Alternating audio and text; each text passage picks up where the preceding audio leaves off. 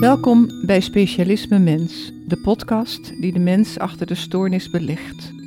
Ik ben Ans Marcus en ik leid onder eeuwige onzekerheid.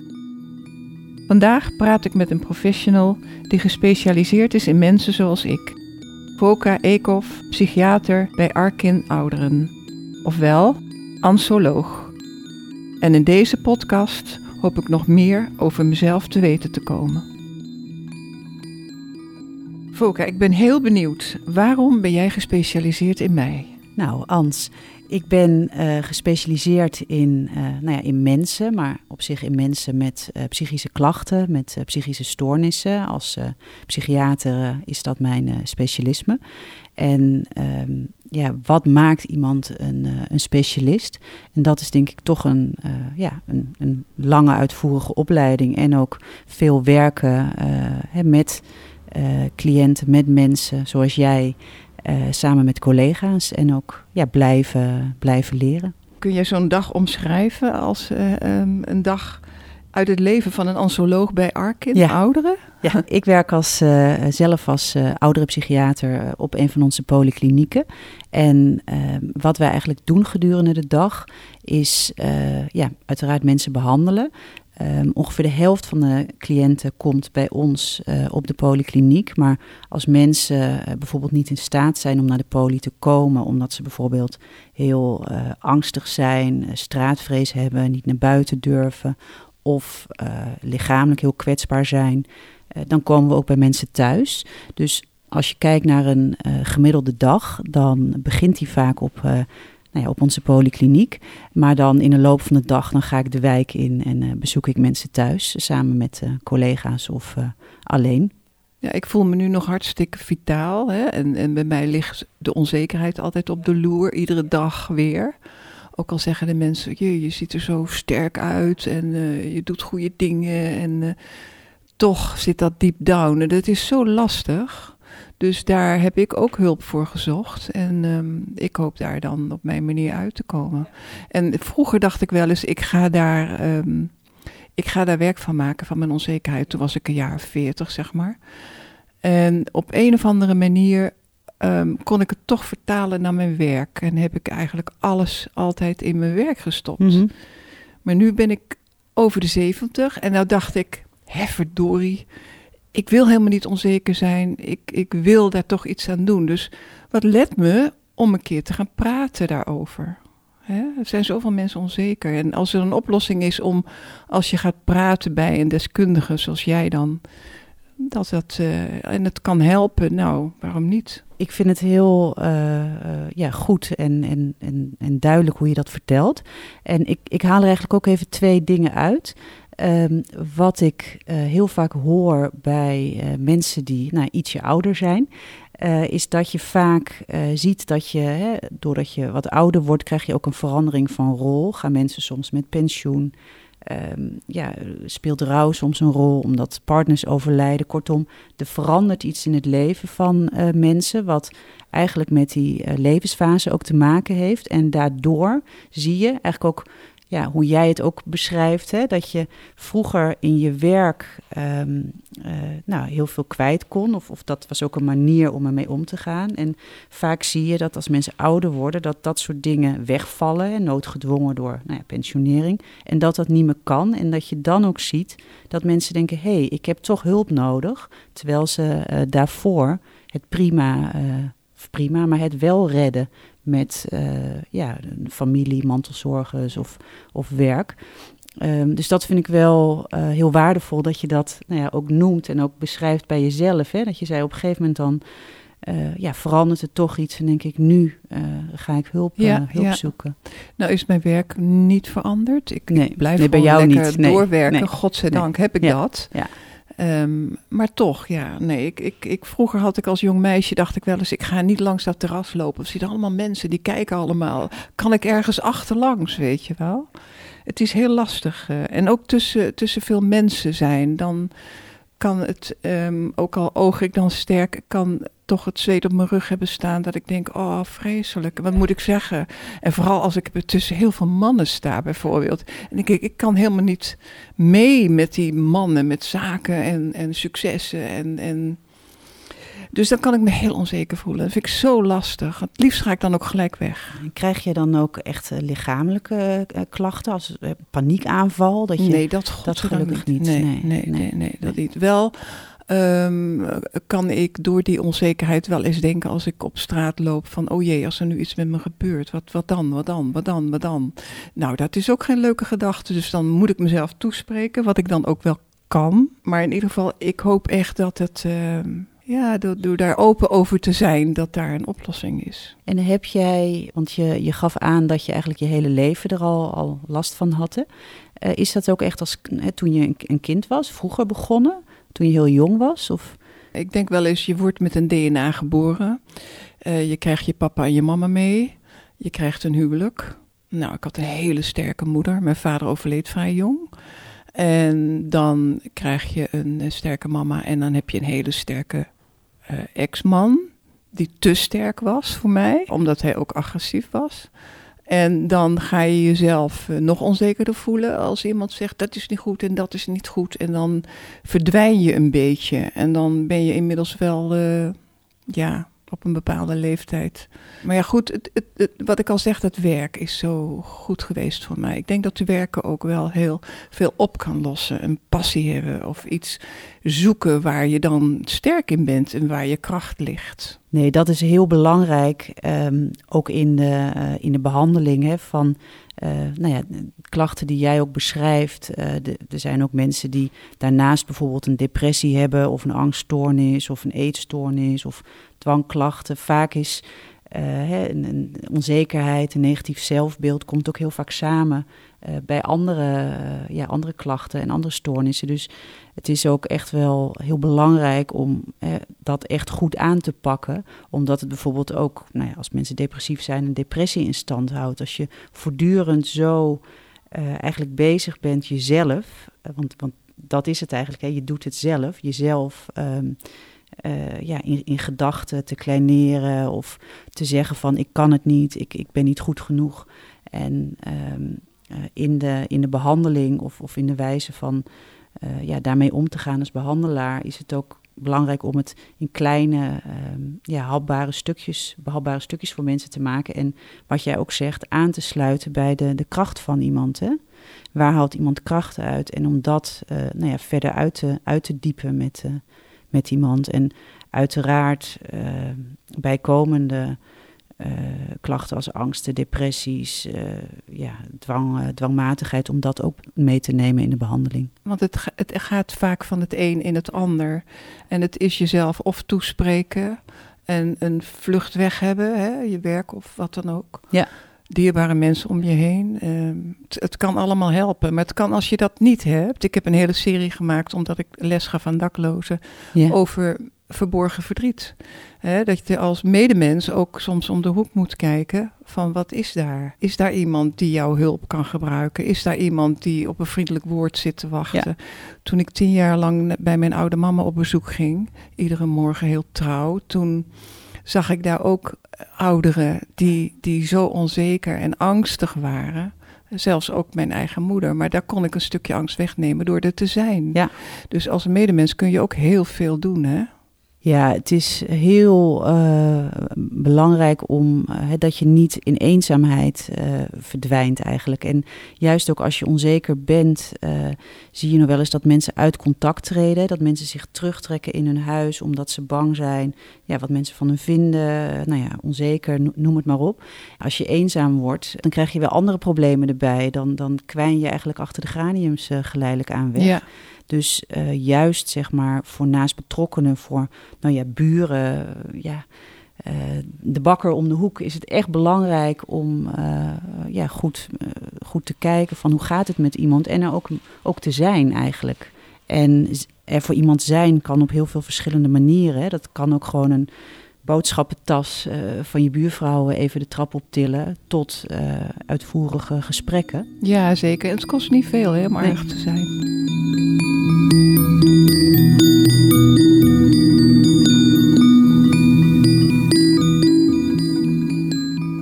Als je geeft aan dat je ja, al je hele leven eigenlijk last hebt van uh, onzekerheid. Hè? Hoe, hoe uitzicht dat? Nou, voor mezelf heb ik geprobeerd om mezelf eerst allereerst af te vragen, waar denk ik nou, waarom ben ik nou onzeker? Ik denk dat dat, dat, dat vanuit de jeugd is, hè, dat ik een absoluut sterke moeder had. Mijn broer is tien jaar ouder, die, die functioneerde hartstikke goed, die kon goed leren en die, die was prof wielrenner en alles top, top, top. En daar was zo'n klein zusje van tien jaar jonger, wat daar zo'n beetje bij hing. Ja. En ehm, dan, uh, als je wat volwassener wordt, um, ga je naar het, ik mocht naar het lyceum in Haarlem. Daar zijn twee knullen die mij um, uitschelden omdat ik in halfweg uh, was, woonde. En daar was een suikerfabriek en die, die rook vreselijk vies. En dan zeiden ze tegen mij, je stinkt. nou, als je als meisje, wat niet vies ruikt, maar wel wordt gepest. Daar gaat ook dat stukje eigenwaarde ook een beetje, hè, wordt een beetje minder. Dat je echt dacht van, hé, hey, ik, ik, ik ruik echt vies. Ik, ja, ik ben ook minderwaardig. Dat zeker en... als twee van de jongens uit zo'n uit, uit Bennekom, weet ik wel wat voor chique stad. En ik kwam van halfweg van de suikerfabriek. Dus nou ja, goed. En dan trouw je heel jong. Je moet trouwen, omdat uh, je heel snel zwanger ja, raakt van de eerste de beste jongen. En dat wordt een huwelijk waarin mijn zekerheden worden afgenomen, waarin, waaruit ik op mijn dertigste dan kom zonder eigenwaarde. Had je het idee dat je helemaal was, was afge, je eigenwaarde die al beperkt was, Absoluut. dat dat helemaal was af? Daar ben ik de winsels om gaan schilderen. Dus ik pakte mijn kind in de winsels en ik verstopte mezelf gewoon. Dat was mijn verhaal.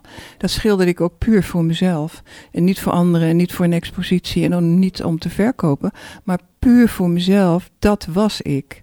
Laat mij nou maar lekker in die winsel zitten. Niemand ziet me meer. Niemand kan meer zeggen wat er allemaal fout aan me is. Dat was wat het was. En door dat te schilderen is die eigenwaarde een stukje bij beetje teruggekomen.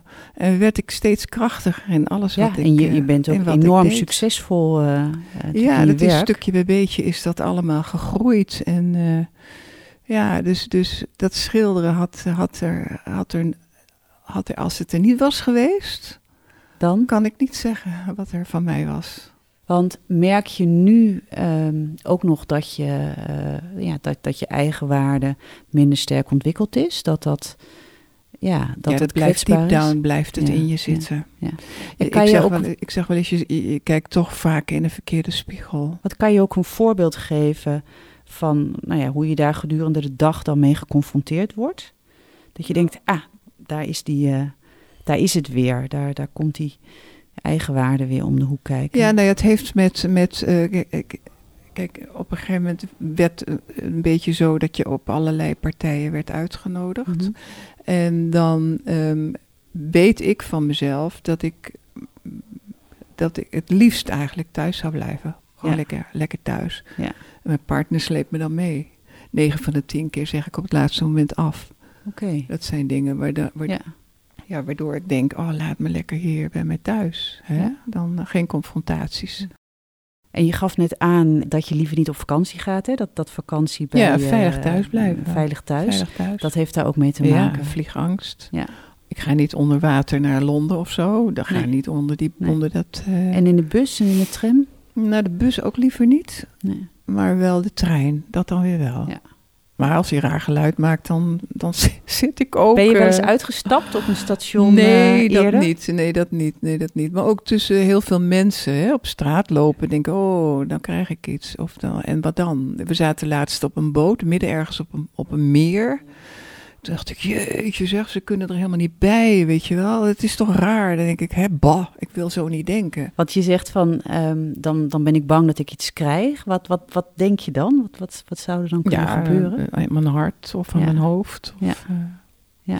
Dat heeft misschien ook met ouder worden te maken. Dat er zo heel veel mensen boven de 70, ja. dan hoor je die en die. Weer een begrafenis, nog een begrafenis. Ja, het ingewikkelde is natuurlijk dat naarmate je ouder wordt, de kans natuurlijk ook toeneemt dat er, ja, dat er echt iets uh, is met je, met je hart. Um, en wat je uh, natuurlijk bij angstige ja, mensen ziet, en misschien herken je dat ook wel, is dat bepaalde signalen hè, die, die je lichaam geeft, dat die altijd heel ja, heel ernstig of heel catastrofaal worden geïnterpreteerd. Zeker. dat, dat iemand die niet angstig is, die denkt: Oh, ik ben lekker aan het sporten, want mijn hart gaat boem boem heen en weer. En iemand die heel angstig is, die denkt: Oh, straks krijg ik een hartinfarct en gaat het, het gaat niet goed, het, mijn hart kan het niet aan. Ja, exact. Want het is niet zo dat je echt hele concrete dingen vermijdt. Ja, je gaat niet in het vliegtuig, maar goed, dat is in het dagelijks leven meer mensen, niet zo'n probleem. Dan. Ja. ja. Maar heb je bijvoorbeeld ook dat je liever s'avonds rond sluitingstijd naar winkels gaat, omdat het dan rustiger is? Of... Nou nee, ik ga s'avonds gewoon nergens naartoe. Ik blijf lekker thuis. Het is echt, ik ben echt een, uh, mijn partner ook, dat was vroeger een soort adelaar. Die zwierf over de hele wereld. Dus van die enorme vleugels, overal ging hij naartoe. En nu wonen we op Prins Eiland en hij is het een huismus geworden. Dus ja, dat kan verkeren. En het is ook wel fijn dat we het zo goed hebben samen, dat ik mijn werk heb. En dat maakt natuurlijk voor mij dat ik me toch uh, heel uh, erg uh, gelukkig voel.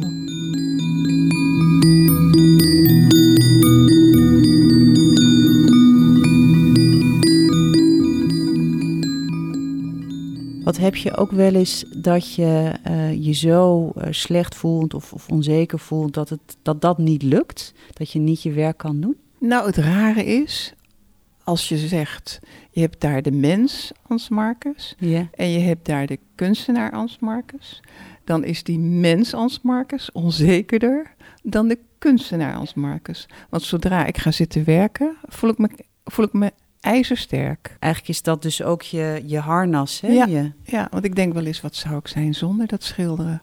Zou ik helemaal niks zijn of zo, zoiets heb ik dan. Kan je dat voorstellen, dat er een dag komt dat je niet meer schildert? Nee, ik denk dat het creatieve proces, of dat nou met porselein of met glas of met klei of tekenen of schilderen, dat, dat maakt niet uit. Die handen zijn altijd bezig. Wat heb je ooit iets anders gedaan dan het schilderen? Nee, nee, nee. nee nou ja, to, tot aan mijn dertigste heb ik alleen maar getekend. Oké. En op mijn dertigste na de scheiding dacht ik, ik wil ook wel iets met olieverf proberen. En toen ben ik die figuren in winsels gaan, uh, gaan uh, schilderen. En ik merk aan uh, geluiden om me heen, mails en, en vrouwen die me op, op straat aanspreken. Kijk, bij mij is het ontstaan vanuit een scheiding, vanuit je niets voelen, geen eigen waarde hebben hoeveel vrouwen mij aanspreken ja. die in een scheiding zitten, die geen geld hebben, die voor de kinderen moeten zorgen en denken, en nu, en nu? Die denken van, zij heeft het gered en zij is een voorbeeld. Ja, precies. En dat vind ik ja. wel heel, dat is zo troostend aan één kant, ook voor mij. Dat, uh, dat geeft mij ook... Uh, ook een stuk eigenwaarde terug. Volgens mij zei je net van, goh, ik, ik maak een hele stevige, helemaal sterke, geen, ja. ik maak een hele sterke indruk inderdaad. Uh, vind je dat wel eens lastig dat je dan bijna denkt van, goh, ik moet eigenlijk me verdedigen dat, dat jij ook je, je, je, je klachten en issues hebt? Of voelt dat? Ja, er stond laatst een groot artikel in een van de in dagbladen en daar ben ik echt van geschrokken, want er stond...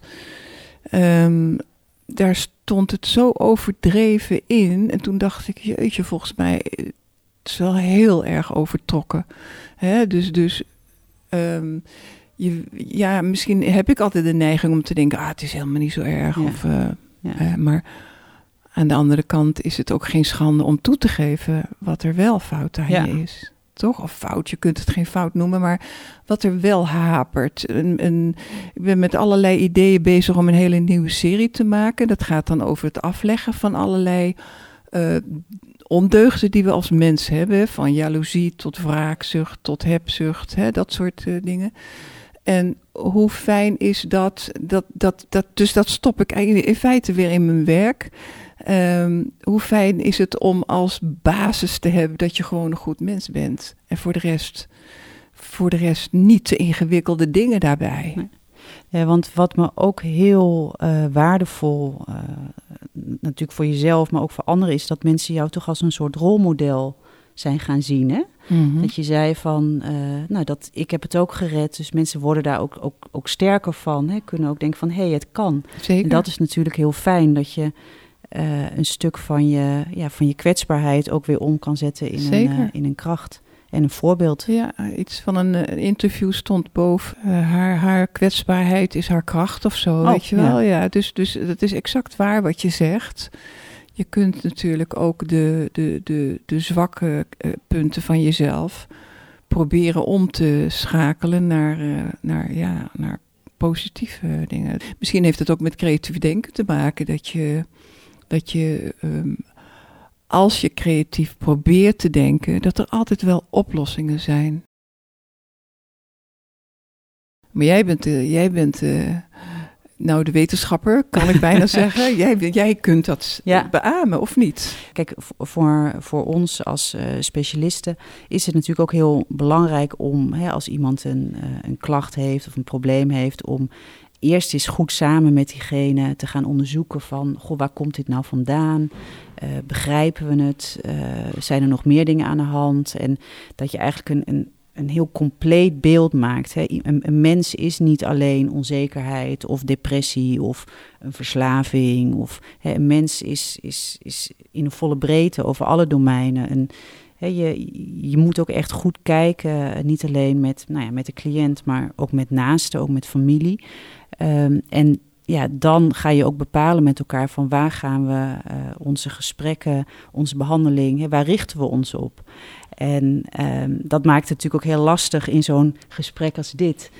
Um, dat uh, er niet een, een, klip en klaar antwoord is. Hè. Het is natuurlijk toch, uh, ondanks dat we ook voor psychische klachten wel heel veel nou ja, protocollen en, en, standaard werkwijzes hebben, is het natuurlijk toch ook heel erg zoeken van, goh, waar, uh, waar vinden we elkaar? Hè? Waar hebben we, uh, ja, wat, wat, is ons gezamenlijke vertrekpunt voor, ja, voor de reis die, die ook behandeling heet of, of voor de weg uh, die je met je therapeut gaat bewandelen? Het is wel een drempeltje hè, om de ja. hulp te vragen. Ja. En ik uh, merk ook in, nou ja, zeker bij de oudere psychiatrie, dat de generatie uh, ouderen, um, die ja, mensen nou ja, boven de 70, eigenlijk uh, niet gewend zijn om hulp te vragen. Dat is, is toch een generatie die nou, het zelf oplossen, niet zeuren, maar doorgaan. En uh, ja, juist dan is het dus heel belangrijk om die drempel zo laag mogelijk ja, zeker. Te leggen. Zeker. En dat is ook wel een van de redenen waarom we ook bij mensen thuiskomen. Omdat we zeggen van ja, als het niet lukt om naar ons te komen, nou, dan komen we toch bij iemand, zodat we nog wel ja, iets kunnen betekenen. Ja, alle babyboomers waar ik dus bij hoor, ja. die hebben over het algemeen genomen sterke ouders. Want het zijn mensen die uit de oorlog ja. vanuit niets toch weer een heleboel dingen hebben opgebouwd. En dat was van flink zijn, doorgaan en niet zeuren. Nee, hè? precies. Dus dat ja. zit er heel dik in. Ja. Dat, uh... En dat zie ik ook wel terug in de praktijk. Het is natuurlijk wel aan het kantelen, um, maar dat sowieso met, met ons, uh, ons specialisme, dat de variatie in leeftijd is, is natuurlijk ook groot. Hè? Uh, we hebben ook mensen van nou, 95, laat ze een 100-jarige. Dat gebeurt ook. Ja, die, die hebben natuurlijk weer een hele andere levensloop, een levensgeschiedenis Zeker. dan iemand van, nou ja, van 70. Um, maar dat maakt het ook een heel mooi vak. Dit was Specialisme Mens. Ben jij ook een GZ-professional die de mens achter de stoornis ziet? Solliciteer dan meteen bij Arkin op werken bij arkin.nl.